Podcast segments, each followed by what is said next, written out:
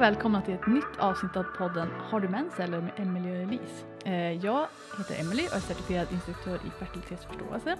Och jag heter Elise och jag är personlig tränare och kostrådgivare. Vi är båda stolta mensnördar och driver våra egna företag där vi erbjuder rådgivning och handledning online. Och idag ska vi prata om symptotermala metoder av fertilitetsförståelse. Yes! Allting om det. Mm. Min utbildning, vad jag faktiskt lär ut. vad håller jag på med egentligen? Ja. Sen är jag också lite intresserad av vad du pysslar med. Ja, ja, jag med. Då, Med tanke på- Personligen med andra ord. alltså. Ja, med tanke på vad vi har snackat om tidigare. så här bara, ja, jag gör de här reglerna och jag följer det här och det här. Och jag bara, ja, det gör väl jag antar att jag gör det också. Så ja, men det ska vi snacka om. Men vi ska börja med vårat vilken cykeldag är vi på Mm. och hur mår vi? Mm. Ska jag börja? Ja. Jag är på cykeldag 19. Och jag mår bra. Känner mig väldigt social. Jag har bra med energi. Jag... Eh, ja, det är bara good times helt enkelt. Good Känner mig times. dock lite väl stressad. Mm. Och jag har gjort det ett tag nu. Så vi får se om det kommer det kommer ge, jag höll på att säga ge någonting men så här ge en försenad ägglossning. Mm. För att jag är väldigt känslig för stress. Mm. Me too. Så vi får se, vi får se. Okej. Kolla i appen som vanligt. på cykeldag 37 för tillfället. Mm. Men jag har lyckats bekräfta min ägglossning till slut. Ehm, så nu har jag, jag är sex dagar efter min, mitt tempskifte. Och har nu, ja men, liksom efter regelns alla konster så är jag nu i min infertila fas då och väntar, väntar på mens. Så ja men jag tycker det känns än så länge bra. Eh, jag brukar liksom känna, kanske precis dagen innan mens sådär, liksom kanske de mer negativa effekterna av lutealfasen. Men än så länge så känns det bara, bara nice. Mm. Det är mysigt. Mycket bra. Mm. Bada i mitt progesteron. Mm. Det är nice. Ja. Om man inte har så mycket symptom. Nej, Jag nej, tycker att man precis. känner sig så, jag vet inte. Man liksom flödar på fast man är liksom, eller jag har i alla fall mycket energi oftast under lutealfasen men jag känner mig typ långsammare i huvudet. Ja, ja men, Men på, lite ett, på ett mer. bra sätt. Ja men, alltså inte, man kanske inte ska använda introvert och extrovert på det sättet. Men Mm. lite mer sådär inåtvänd kanske Ja. i alla fall. oh ja, det, det kan jag nog hålla med om. Mm. Nej men så det, det blir bra. Jag var glad att kroppen lyckades pulla off den där ägglossningen till Mm. slut. Även om den blev sen så, så kändes den liksom bra. Bra jobbat lilla äggstockarna. Mm. Men då ska vi snacka fertilitetsförståelse, metod. Vi... Alltså det finns ju massa metoder. Och det här avsnittet kanske blir lite spretigt, vi vet inte riktigt var vi ska börja. Jag är alltså certifierad i en metod som på engelska heter Symptothermal Double Check Method, som jag då eh, helt på eget bevåg har översatt till dubbelcheckmetoden, för jag tyckte att det var lite mycket, eh, vad ska man säga, en lite väl stor munfull att säga hela tiden. Namnet hela tiden. Men det finns ju många symptotermala metoder och det betyder bara sympto står ju för symptom och då menar man oftast sekret och sen termal betyder temperatur då. Så det är en kombination av sekret och temperatur. Mm. Och Mm. dubbelchecken har alltså med något annat att göra som vi ska gå in på för det finns Åh. symptoterminala metoder som inte har dubbelcheck också. Ja, vilket håll ska vi börja åt? Ska vi rabbla lite olika metoder eller vad tycker du? Ja, vad finns det för några olika? Jag känner mig så liksom insnöad i det här. De så. liksom största tänker jag. Vad är, alltså, Mm, vad är skillnaden? ja men det tycker jag, det kan vi börja med. Det finns, alltså idén med sådana här metoder är ju på, att på något sätt identifiera när man är fertil. Och de gör det på olika sätt. Det är liksom grundidén. Att man ska, liksom hit, man ska hitta sitt fertila fönster eller sin fertila fas. Och den ska ju då, ägglossningen och ens biologiska fertilitet ska ju då passa inom det här fönstret. Mm. Man, har man liksom omringat det, eller vad man ska säga, med lite buffer på sidorna, då kan man ju vara säker på att man inte kan bli gravid utanför det. Så det är väl som idén. Mm. Och så gör man det på lite olika sätt. Och då finns det eh, metoder som bara använder en indikator. Eh, till exempel bara sekret. Där har vi metoder som Billings, Creighton till exempel. Mm. Ehm, som använder sekret sa jag det. Mm. Ja. och sen har vi de som bara använder temperatur som vi till exempel pratade om i, i Mensmappar. Mm. Exakt, som natural cycles. Eh, Men man kan också alltså, själv bara använda temperaturregler också. Man behöver inte ha en algoritm, det är liksom inte rocket science så räknar ut det själv Nej, om man vill. precis. Ehm, men då använder man bara temperatur och så har man de här symptotermala som kombinerar dem. Och då får man lite högre effektivitet. Och sen har vi också symptohormonella metoder Mm. som använder sekret och ja, olika typer av hormonella tester, typ LO-tester, ja. progesterontester. Eh, Marquette finns det en som heter, det finns någon, eh, 5-FEMM också en Mm. symptohormonell metod. Men de här symptotermala då kan man ha eh, singelcheck eller dubbelcheck. Och det, skillnaden är på hur man öppnar den fertila fasen. Alltså vad ska jag säga, efter mensen. Hur man bestämmer att man är fertil. Och då är det liksom, har man bara ett symptom för det eller två? Är skillnaden. Mm. Ja, okej. Så jag tänker att många kanske eh, i Sverige i alla fall har koll på justismetoden. Mm. Ungefär som att vi har några instruktörer som lär ut justismetoden. Och eh, den är en sån singelcheck. De använder bara sekret för att öppna fertila fasen. Medans den metoden som jag lär ut och till exempel Sensiplan är väldigt, väldigt lik den metoden jag lär ut. Mm. Då har man, lägger man på en kalenderregel där man räknar på tidigare cykler. Och nu bara så här, alla bara varningsflaggorna. Eller- Räknar du på tidigare cykler? Är du rytmetoden? Vilken hädelse. Rytmetoden är alltså att man eh, förväntar sig att man har 28 dagars cykel och alltid ägglossning på dag 14 och så vidare. Alltså man bara räknar på gamla. Och Mm. natural cycles och de här är ju som bygger ju lite på den idén fast på lite mer fancy. fancy. Mm. Men Med eh, high tech. eh, det som man alltid säger är ju så här, ja men man ska aldrig ah, am, alltså, vad säger man, bestämma sin fertilitet idag baserat på hur man har varit fertil tidigare. Och det håller jag med om. Och den här Mm. kalenderregeln är inte, ja, man räknar på sina tidigare cykler, men det är verkligen bara för att vara mer konservativ, Ja. inte åt andra hållet. Så att man använder både sekret eller den här beräkningen då. För den som kommer först är den som öppnar fönstret. Så om vi säger att du av någon anledning eh, har en jättesen ägglossning så, och du kanske inte får sekret förrän långt in i cykeln Mm. så kommer den här då kalenderregeln öppna din fertila fas tidigare. Mm. För mm. den, det blir lite mer konservativ då. Mm. Så det är liksom det som är idén. Och har du för tidig ägglossning då, då kommer du inte alltså, ha någon infertilitet alls där i början.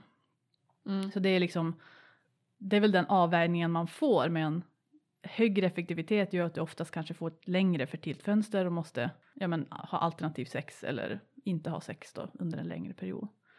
Så det är ju lite sådär den här avsiktsbalansen igen. Mm. Mm. Ja, nu har jag babblat jättemycket. Vad, Nej, Vad jag, tänker du? Jag sitter och bara wow, okej. jag kan ju det jag kan. och jag, vi ska väl ta reda på egentligen vad jag kan under det här Mm. lilla avsnittet. tycker jag. Eh, eller vad det är jag håller på med. Ja.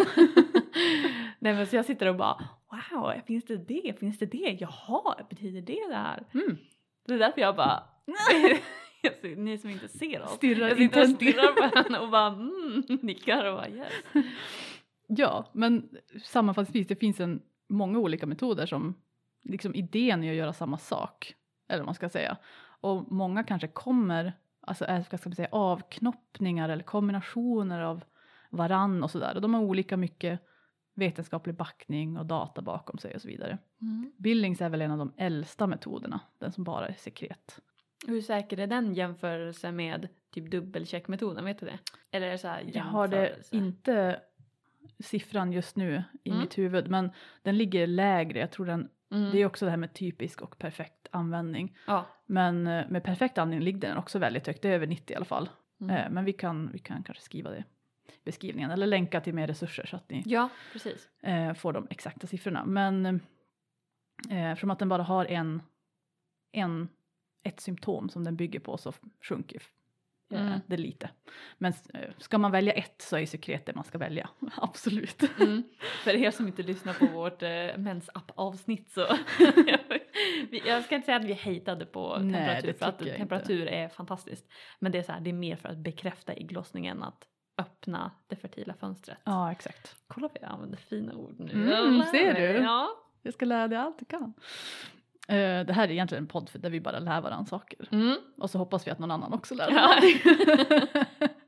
Nej men, eh, så, men som du säger, temperatur är ju liksom optimal för att bekräfta att man har haft ägglossning men inte för att säga nu börjar du vara fertil. Så det är väl det som jag gillar väldigt mycket med de här symptotermala metoderna, att man, man får liksom båda.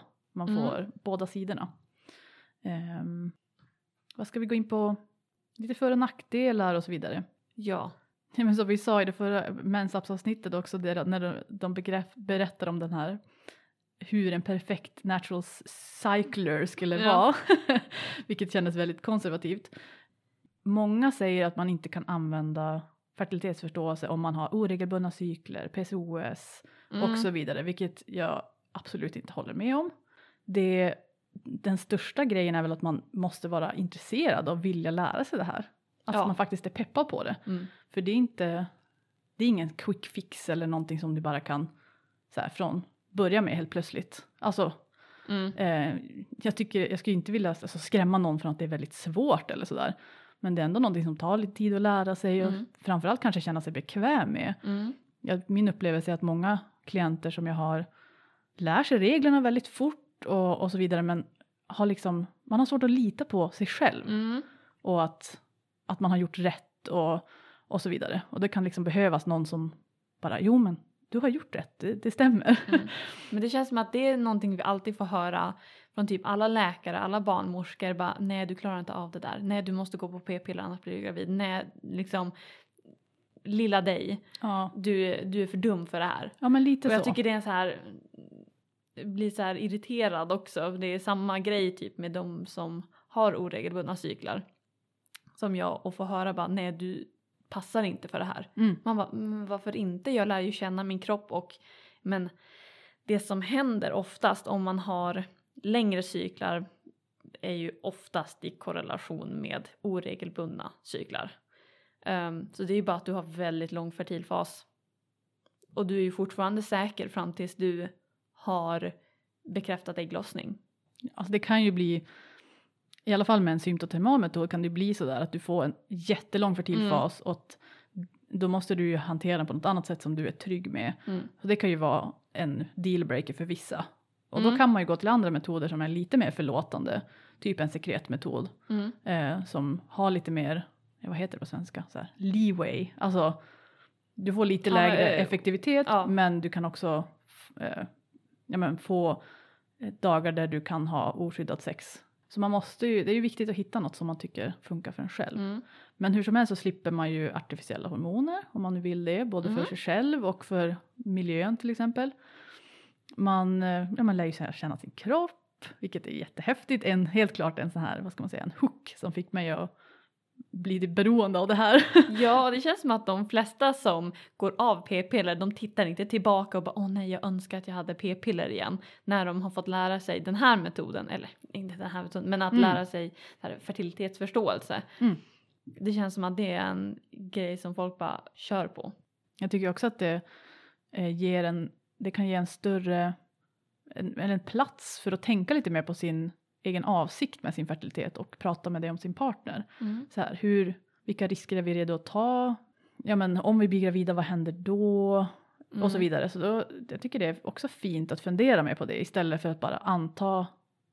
Man är inte 100% skyddad om man går på p-piller heller. Nej. Så det är väl en diskussion man kanske alltid ska ha men det blir som extra tydligt när man får den här, jag är fertil nu, hur ska vi hantera det? Det tycker jag är fin, vilket, men också kan vara jobbig. Alltså det beror på vad man har för relation med Med sig partnern, själv ja. och partnern. Mm. Det kan ju vara en jättejobbig diskussion att ha. Och en viktig brasklapp är ju också att du måste ju kunna anpassa ditt beteende när du har, använder en sån här metod. Mm. För den är inte så förlåtande för misstag, eller vad man ska säga. Mm. om du är i din fertila fas och struntar i att ha skyddat sex om du inte vill bli gravid, då är det ju väldigt stor chans att du blir gravid. Mm. Så det är ju, det krävs ju lite, ja men att man vet varför man gör det här, eller vad man Mm. ska säga, att man har sin, tänkt igenom det och sådär. Men också att man faktiskt kan säga nej. Det finns ju relationer där man inte, alltså när kvinnor kanske inte har den möjligheten. Mm. Det är ju också viktigt då. En sån här metod är ju svår i en, eh, men vad säger man, abusive relationship till exempel. Mm. Mm. Man måste faktiskt kunna styra sitt sexuella beteende mm. efter det. Vilket jag tycker är väldigt kul och en rolig möjlighet. Men det beror på vilken situation man är i. Ja, men folk tycker också det kan vara läskigt eller svårt att lära sig. Det känns liksom som en uppförsbacke, förstår du? När Mm. man kommer igång. Men jag brukar jämföra det med en typ som att lära sig körkort, när man tar körkort. Mm. Eh, att det är som en, en skicklighet för livet. Och det känns skitläskigt i början. Man säger bara, vilken pedal ska jag trycka på, hur ska jag kunna titta på skyltarna och trafiken samtidigt? Men sen när man har gjort det, då är det, behöver man inte ens tänka på det. Det sitter i ryggmärgen liksom. Mm. Den tycker jag som är ganska bra, att det är något som du aldrig kommer glömma. Och något som du kommer ha jättenytt, du kommer ha nytta av det resten av ditt liv. Liksom. Mm. Ja, jag satt, jag tror det var eh, på tåget idag, för jag åker tåg upp till Umeå där vi spelar in podden. Eh, och jag satt på tåget idag och bara, jag vet inte, jag fick typ en rysning bara, oh, tänk att gå tillbaka på PP. Nu, oj, förlåt. jag försöker inte avskräcka någon, Personligt perspektiv. Pers- precis, personligt perspektiv. För mig skulle jag aldrig någonsin vilja gå tillbaka på eh, hormonella preventivmedel. Och jag bara fick den liksom tanken att shit, tänk att gå tillbaka och du vet ha den här kunskapen om min egen kropp och så bara inget. Nej. Du vet det är som att prata med en vägg typ. Det är, ja. Nej, jag håller med. Vi planerar att göra ett avsnitt om gå av p-piller, vad innebär det att vara på p-piller, Mm. vad tycker vi om p-piller, varför går inte vi på p-piller och så vidare. Ja, precis. Jättespännande, för det är ju många gissningsvis av våra lyssnare också som kanske går på p-piller och funderar på hur ska de relatera till det här. Mm. Så vi får göra ett helt avsnitt om det. Oh ja. Vad vill du veta mer? Jag vill veta vilka andra eh, vad heter det, du skulle vilja lära dig. För det finns ju flera. Ja. Eller skulle du, är du nöjd med liksom att bara kunna den här dubbelcheckmetoden eller? Ehm, för min egen skull och professionellt. Mm, mm. Jag har spanat på de andra och det finns ju alltså väldigt många olika sätt att certifiera sig. Och det, det, alltså det är verkligen en djungel och jag vet inte riktigt. Mm. För mig, det är också olika organisationer har olika värderingar, de har olika, vissa religiös koppling och inte och Vissa är Mm. jättedyra och så vidare och vissa kanske det inte finns möjlighet att gå mer än vartannat år. Alltså det ja. Men något som jag skulle vilja lära mig mer om är hela sekretbiten. Och då är ju Billings det som känns som ett För att typ förstärka dubbelcheckmetoden ungefär. Ja, alltså man ska inte blanda metoder. Så jag Mm. skulle nog inte liksom, slå ihop dem eller vad man ska säga. Mm. Utan jag skulle nog i så fall lära ut dem var för sig beroende Mm. på vad klienten föredrar och så vidare. Men, eh, men ja, den har jag spanat lite på. Och jag det antar finns, att Billings är, kan, eller kan vara en bra metod om man vill bli gravid. ja, absolut. Tänker för då, jag med. Ja, alla sekretmetoder är precis, ju liksom... precis. Mycket tydligare tecken på när Mm. kroppen börjar vara beredd liksom. Ja, nej men jag tycker att de, den utbildningen de har verkar väldigt grundlig och seriös och ja men de har väldigt, det är en väldigt lång period av att eh, ha klienter tillsammans med sin mentor och man måste ha klienter som har ja men varit postpartum och, och sådana här grejer så att det känns, känns Mm. väldigt, det känns gediget eller vad man ska säga, vilket Mm. jag tycker känns bra. Men vi kanske ska gå in på den certifiering jag redan gjort. Ja, kör. Ehm, Vad tyckte du om den? Vars gjorde du den? Gjorde du den online eller? Ja, så föreningen heter NFPTA och är baserad i Storbritannien. De eh, har en internationell distanskurs, jag tror det är en gång per år som de startar. Och den eh, går, själva teoridelen är 12 veckor, så det är såna veckomoduler med olika teman då sådär. Och sen Så det är som teoridelen och sen är det en, en praktisk del där man ska ha klienter med en mentor då så man får, ja men man kan alltid ställa frågor till dem och sen måste man sammanfatta det, eh, ja men klienternas tabeller och alla ens anteckningar från alla möten och så vidare så att man, ja men så att de kan utvärdera att man har, att man har liksom gjort rätt, att klienten har lärt sig och så vidare. Och sen har man ett, ett muntligt prov i slutet. Man skickar in alla sina, sitt material, både från klienterna och liksom vad har jag använt för att lära ut dem. Så jag har ju till exempel då skrivit en handbok på svenska som mina klienter får. Mm. Som, Ja just det, den har du visat, den är Ja. så fin. Tack.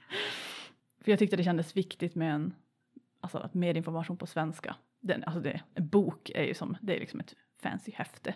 Men det, att, ja, jag är väldigt stolt över den ändå.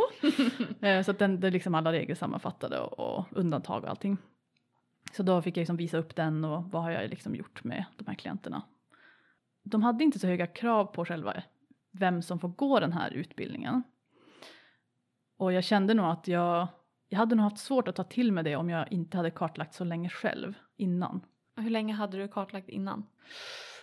Mm, ja, men tre och ett halvt år tror jag, Mm. något sånt.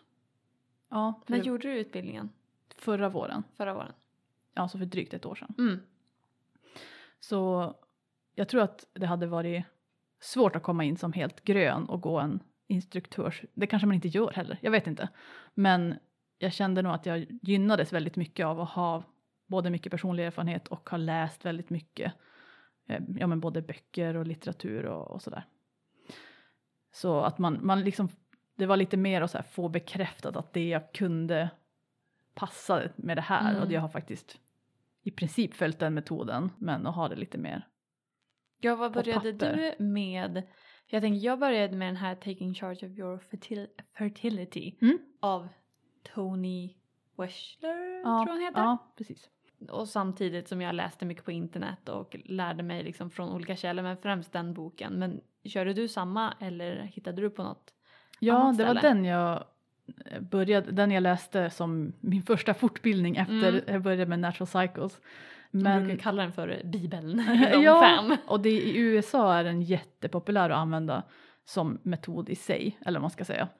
Jag använder nog aldrig den metoden strikt utan jag läste ganska fort en justismanual Mm. och eh, försökte använda den men tyckte jag fastnade inte riktigt för det och sen hittade jag eh, Sensiplan och de här dubbelcheckmetoderna då tyckte att det här, det här kanske kunde vara någonting. Mm. Men jag är ju då självlärd fram tills jag gick den här utbildningen. Jag har aldrig Mm. jobbat med en instruktör själv. Så då vet man ju inte riktigt hur effektivt det var. Det, var- det funkade för mig. Det, Ja, jag men blev inte gravid här. i alla fall. Men vad har, vad, hur skulle du beskriva din metod nu då? Jag är nyfiken. Ja, nu. Mm. Vågar du? Ja. bara ingen, ingen dömer mig, okej? Men det Nej. är som jag sagt tidigare, bara lyssna på Emily och inte på mig för att, eh, ja. Men det är ändå, alltså, det viktigaste är att man gör som man själv är trygg med och det man själv vill. Om Ja. man är medveten om att ja, men man vet inte riktigt hur effektivt det är om man har lärt Mm. sig själv. Om man blandar metoder vet man inte heller riktigt hur effektivt det är. Det betyder inte att det inte är effektivt. Nej, men men det är bara att Jag har inte blivit inte. gravid än, Nej. så eh, någonting rätt måste jag göra. Nej, men jag, okej, om vi ska säga så här, så här öppnar den fertila fasen så tror jag, tror jag, jag vet, jag vet att jag använder för det mesta dels min, mina tidigare cyklar, att tänka tillbaka, okej, vad är tidigaste som jag fick förra cykeln? Ägglossning Men- alltså. Ja, Mm. men jag går ju inte bara efter det utan jag öppnar den fertila fasen när jag får fertilt sekret. Och det kan ju vara så att ja, men de som har längre cyklar har också mer fertilt sekret, alltså längre ja, men faser med fertilt Mm. sekret. Så att jag kan ju ha en fertil fas på tre veckor, Mm. fyra veckor, liksom när det, när det var som värst liksom. Mm. Så det är väl så jag öppnar den. Och sen så är jag ju liksom ja men försiktig, eh, använder ja men olika istället för bara rakt penetrerande sex så kör man annat som är säkrare. Eller använder kondom. Mm. Och sen så ser jag ju min ägglossning, det är att jag bekräftar den dels med hur min, mitt fertil, fertila sekret ser ut, att det skiftar form och att jag får en höjning på tre eh, höga tempar. Mm. Brukar jag köra på. Och då kan det ju vara att den är- tempen är ganska låg, sen höjs den lite, sen höjs den lite, sen går den till liksom Mm. vad jag tycker är över, för det brukar vara, vad är det, 0,5 grader? 0,2. 0,2? Ja, jag Mm. kör någonstans Men, däremellan. men en del har ju absolut en högre ökning än så. Alltså om jag ska vara helt ärlig så ser jag bara, hmm, hur högt är det? alltså jag bara jämför liksom. Det jag har lärt mig det är att temperaturerna innan, jag, jag ser tillbaka på mig själv nu, jag kunde så mycket mer tidigare. Men temperaturerna innan ägglossning, hur låga de var, Mm. så här, jämförelsevis, med hur den var efter. Och så typ ser jag skillnaden på dem. Jag hoppas du nickar, Ja. att du håller med mig. ja, ehm, Ja. det gör jag absolut. Och den eh, temperatur, men för att använda temperatur för att bekräfta ägglossningen, man brukar prata om eh, 3 över 6 regeln. Det är nästan, alltså temperaturreglerna är typ nästan samma för de flesta metoder.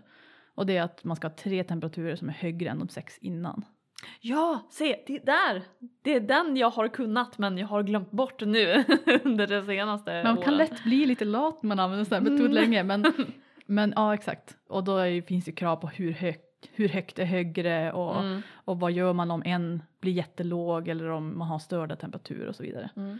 Så det är ju liksom, det är ju en enkel regel i sig men det är väl mer så här om det inte är som ett textbokexempel, vad Mm. händer då typ? Ja, jag tror jag har anpassat för att jag har märkt hur mina egna cyklar kan vara ehm, i just det här att bekräfta ägglossning och sånt där. Mm. Så om jag får någon lägre temperatur någon gång då och då så är det som att jag bara, ja men det är fine. Jag vet att jag har fått ägglossning och sen kan jag också fortsätta bekräfta genom att ha högre, högre temperaturer Mm. och se.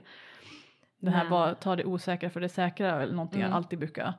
Om man inte är trygg med att den här temperaturen kanske mätningen inte stämde eller glömde man kolla sekret eller någonting. Att man alltid bara, om man inte vet så tänker man att man är fertil. Mm. Alltså för att inte ta någon risk liksom. Mm. Man kan alltid vänta en extra dag på att se, har, har jag verkligen höga temperaturer Mm. nu? Man kanske bara hade feber. Alltså Ja, det är alltid precis. viktigt att liksom känna så här, varför är det så här? Mm. Ha lite, reflektera lite. Liksom. Mm. Men det låter ju typ som att du faktiskt använder en symptotermal dubbelcheckmetod. Titta på mig! Utan kanske så här, möjligtvis inte till alla regler punkt och pricka men, Absolut men inte. den filosofin i alla fall. Mm. För då använder man ju också den här att man räknar på tidigaste ägglossningen och så med en buffer innan. Det heter eh, Döringer-regeln om någon Ah. vill googla på det Mm. till exempel. Men eh, om man använder den här metoden efter alla punkter och prickar i alla fall som de har gjort i de här vetenskapliga studierna då kan man ju komma upp i en effektivitet på 99,4 procent. Det är högt. Det är högt. Absolut. Alltså det är jättehögt. Ja, Och då är det så här, ja men till punkt och prickar. Det är ju såklart lite skillnad från dagligt användande. ja. Men jämför med typ p-piller. ja, de Det ligger ju ju, också perfekt på- ligger där ungefär också. Ja. Så det är ju i princip likadant. Ja, så att om någon säger det här är inte en effektiv metod, du kommer bli gravid när som helst så kan du bara eh, Bitch, no. Jag har en artikel du kan skicka till dem, vi kan länka till den artikeln. Ja, precis. Ja men det kan vi ju. Vi länkar den i beskrivningen så att ni när som helst om ni går till er barnmorska läkare och så får ni den bara mm, är det rytmmetoden, du kommer bli gravid på den. Då kan ni bara nej, vet du vad? Kolla på det här. Mm. Mm, det tycker jag låter bra. Men den är, om man räknar typisk användning när man faktiskt, folk har använt metoden Mm. Eh, och slarvar lite och sådär. Mm. Så enligt den studien som vi då länkar så är det 98,2. Ehm, det är liksom en vetenskaplig studie, man ska liksom inte kanske dra alla eh, slutsatser på en studie. Nej, Ehm, man ska inte stirra sig blind. Men många sådana här, när man säger så här effektiv är naturlig familjeplanering eller fertility awareness methods och så vidare, då klumpar man oftast ihop dem med rytmmetoden. Mm. Och då blir ju effektiviteten skitdålig. ja. Så det får man, om, de, om det börjar stå så här, ja men det är liksom 20% failure rate, alltså att det är liksom en på fem att du blir gravid, då är det absolut sån statistik. Mm. Inte en liksom symptotermal dubbelcheckmetod. Eh, men man, ja, men man ligger ju åtminstone i samma range som p-piller, vilket är Mm. ju, tänker jag, Så bra att coolt. jämföra med. Ja, Så coolt egentligen. ja, Att vi kan liksom lära känna våra egna kroppar och ha dem, ja men nu att vi har termometrar som kan kolla. Och ändå, ja men, alltså det, jag tycker det är så häftigt att vi har den makten i våra egna huvuden och med våra egna kroppar. ja. Fett coolt. ja, jag tycker också det är fascinerande. Alltså att man kan, att det går. Alltså, Ja. ja, jag, jag måste, det var absolut svårt att tro på det i början. Alltså jag kommer ihåg det så tydligt att man bara, nej men, eftersom att man blir intutad att man är, kan bli gravid jämt. Mm. så tror man ju det. Alltså, för folk säger, ja men du kan bli, visst bli gravid när du har mens så du kan visst bli gravid då och då. Och man bara, ja det är ju sant för att du kan ju ha ägglossning lite när som helst. Mm. Men man kan veta när man har ägglossning och då vet man när man inte kan bli gravid också. Mm. Och det är så coolt. Alltså jag orkar inte. Som du sa, gå tillbaka till p-piller, alltså det, det finns inte en chans i världen. Mm-mm. Alltså never. No way. Never. Vi har ju som sagt så här, om man tar sin temperatur och man kollar sitt sekret, men vi kanske ska som tänka, ja men hur ser det faktiskt ut på en vanlig dag när man använder den här metoden? Ja, du körde ju på Instagram en så här en dag i typ dubbelcheckmetod. Jag tyckte det var fett coolt för er som inte följer cykelklok på Instagram. Ja. Men jag tycker det var... Bara, men hur, hur gör du på en så här klassisk dag mitt Ja, i? alltså en vanlig dag så försöker jag ta min, min eh, temperatur på morgonen. Så jag har alltid ett larm som är samma helg, vardag, jämt. Varit nu så i många år.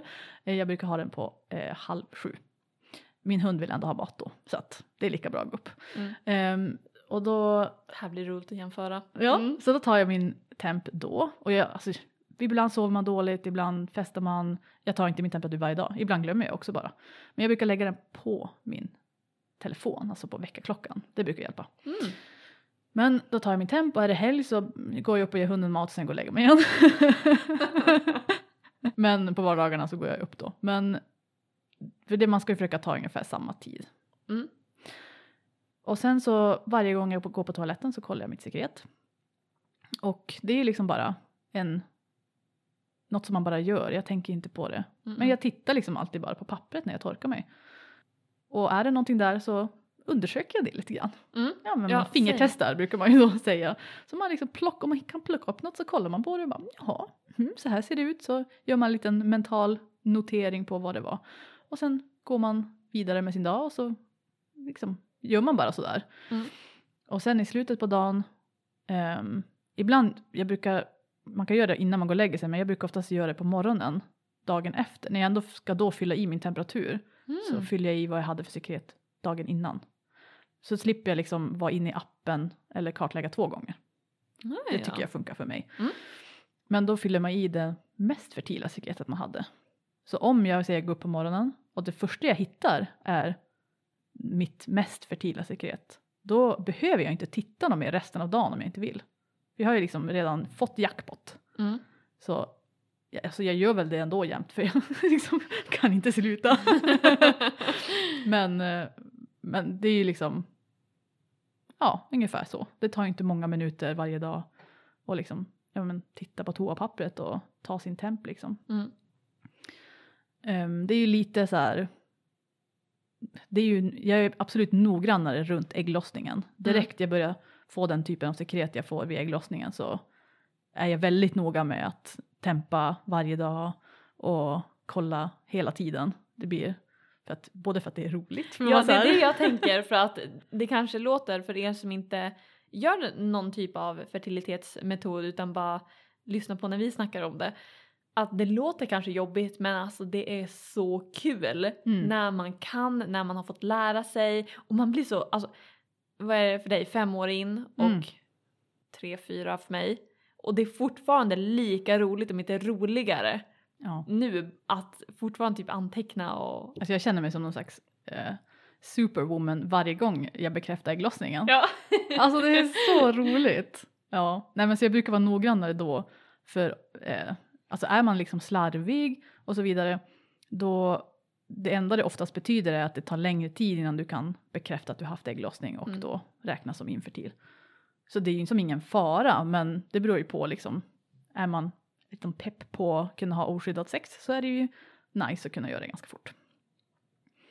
Men det är väl, det är väl typ det, alltså det är Mm. inte så mycket, alltså det blir ju såklart vid ägglossningen, då får man ju lägga på de här reglerna, dra ut skiljelinjen, medellinjen, coverline, vad man nu vill kalla den Mm.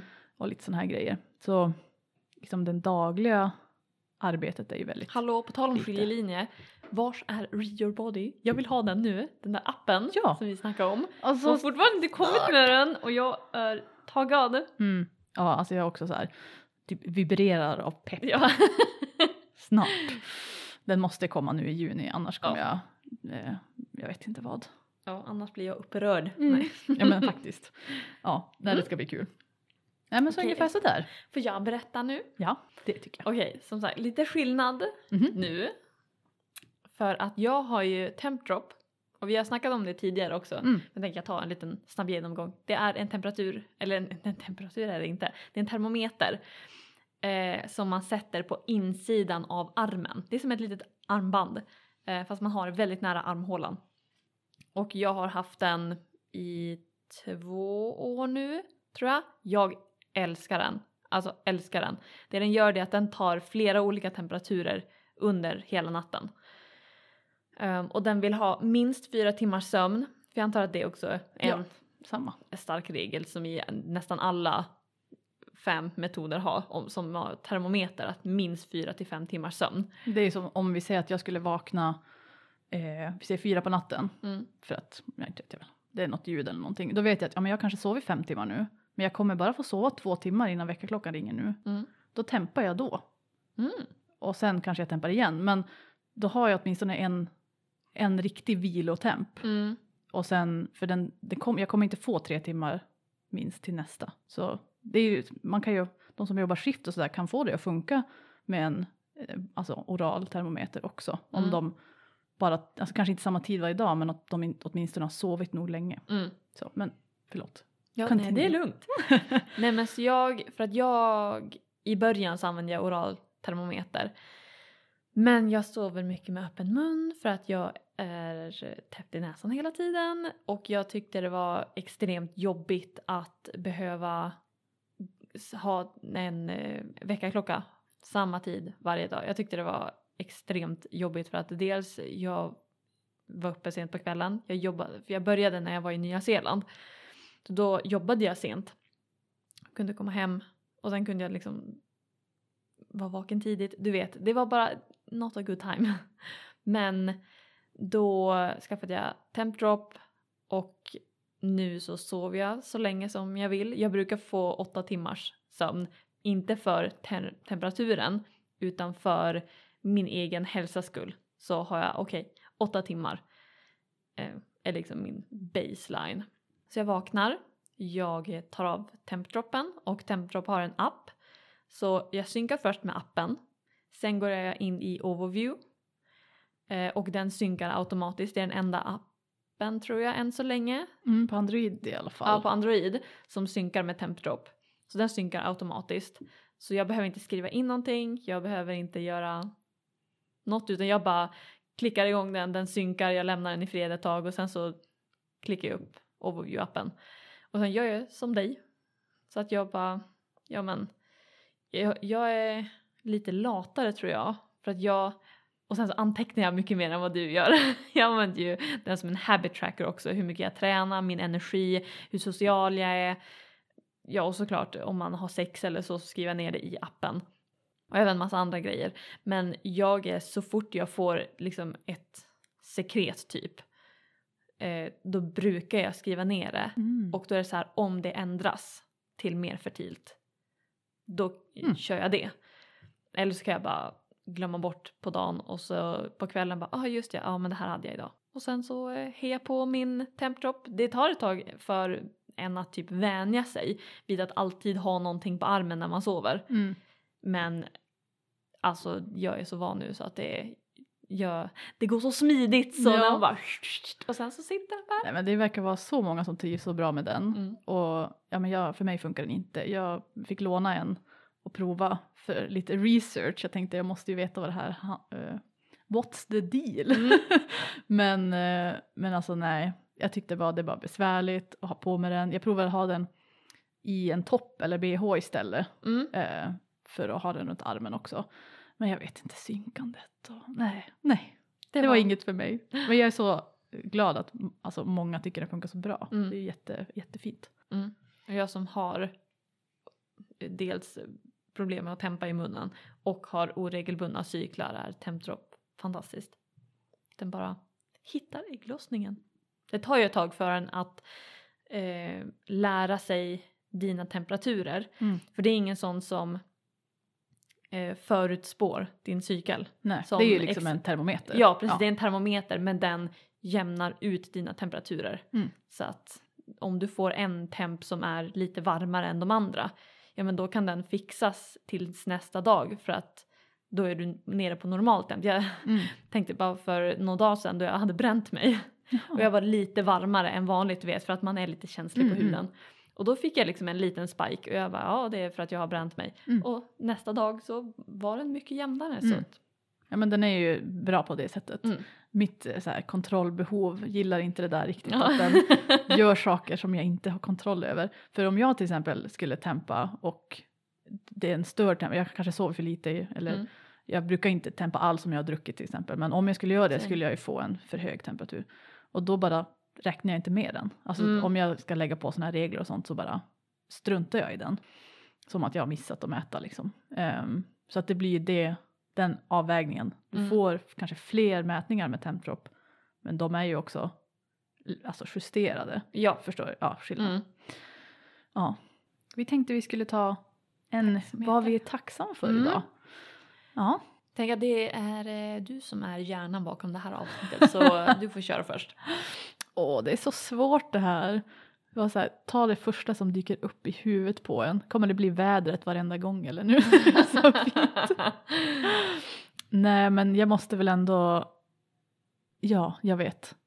Jag är tacksam för att jag känner mig så trygg med engelska som Mm. språk. För att jag både har pluggat så länge, jobbar mest på engelska och så vidare. Så känns det som second nature nu för tiden. Så att jag, det finns, jag känner att jag har så till, vad heter det, tillgång till så mycket mer information för att det känns inte som en barriär att läsa på engelska. Mm. Och det tycker jag känns väldigt, det är jag väldigt tacksam för. Men gud vad ska jag säga då? jag är tacksam över pizza. En sån här fryspizza. För att det är enkelt. Och det är gott. Och ärligt talat, jag tycker om det bättre än eh, vanlig pizza. Mhm. Dels för att jag brukar köpa veganska pizzor för att det är ingen ost på. Anammas pizzor, har du provat Mm. dem? Är de bra? Mm, de är bra. Gött. Ja. De är inte så här bara bröd som de flesta veganska pizzorna brukar vara. Utan Mm. de har faktiskt någonting på sig. Ja, alltså jag är ju glutenintolerant Mm. och det finns inte så många glutenfria um, färdigpizzor. Men Mm. jag hittade en och alltså den var, den var jättebra. Den var svindyr, alltså det var den dyraste. Ja, det var typ lika billigt att köpa en på en. Vegansk och glutenfria så blir det dyrare. Alltså jag trodde den kostade 90 spänn eller någonting. Den hade blivit dyrare om den hade varit ekologisk också. Ja. Då jävlar. Free range. Nej, Ja. men men eh, det var inte värt det kanske, men det var, det var kul. Alltså vi har liksom, jag känner att jag har massor med fler saker men vi måste, vi måste dra ihop det här nu. ja, ja, ja. Så Absolut. jag tänker att vi får, vi får liksom, Wrap it up. ja men vi får, ni får ställa frågor. Vad vill ni veta mer om det här? Ja. Vad tycker ni att vi ska gå in på mer? Vad missade vi? Ja men vad som helst. Har du Ja. några frågor till Emily om dubbelcheckmetoden? Ja precis. Jag tänker att vi ska ha något avsnitt där vi bara tar upp massa resurser på om man, ja men, vill börja själv. Mm. Vad är det bästa sättet? Ja. För att inte alla har råd med en, en handledare. Precis. Men på on that note. Precis, så har jag ju en liten, vad säger man, ett erbjudande Mm. kanske. Ehm, vi sa det tidigare att Vi har ju inga sponsorer på den här podden så vi sponsrar ju den ju själv eller vad man ska Ja. säga. vi eh, är ju våra egna sponsorer. Och då tänkte jag att när jag var student hade jag inte haft råd att ha en instruktör. Men skulle ju jättegärna vilja lära mig det här. Så jag tänker att jag skulle vilja erbjuda en fullständig handledning i dubbelcheckmetoden till ett rabatterat pris. Ja. Så någon med giltigt studentlegitimation något Mm. Så om du är intresserad av det så kommer jag lägga ut ett Instagram-inlägg. Jag tänker att det vore, ja men det känns, jag har varit student hela mitt liv och en del tycker fortfarande jag är student. jag kan relatera. Och tänker att det vore, det vore kul. Så ehm, se, se upp, eller vad säga. Håll utkik efter det Instagram-inlägget på eh, Cykelklok. Kul! Nej men då, då får vi som vanligt tacka för att ni har lyssnat. Mm. Och som vanligt så erbjuder vi handledning och rådgivning online. Jag i fertilitetsförståelse och Elise mer åt Hormon, hälsohållet. ja, hormonella balanser och kost och ja, Precis. sånt där, symptom och sånt. Mm. Och ni hittar mig på Psykeklok som sagt och Elise på Hälsonöjd. Fast utan alla prickar. Precis. Och ni kan mejla oss på mensnordarna, mensnördarna gmail.com. Mm. Hoppas att ni gör det. Och sen så måste vi nästan påminna om boken som vi hade från förra avsnittet. Det tycker jag. Måste, för vi har eh, slutdatum den, vad var det, 15 Mm. juni. Så skicka in fram tills dess. Jag kommer, lägga, jag kommer också lägga ut ett eh, Instagram-inlägg så att ni får veta lite mer deets Precis. och Perfekt. på vad som eh, gäller. Men med det så får vi väl tacka för oss. Mm. Och så hörs vi sen. Puss och kram! Hej då!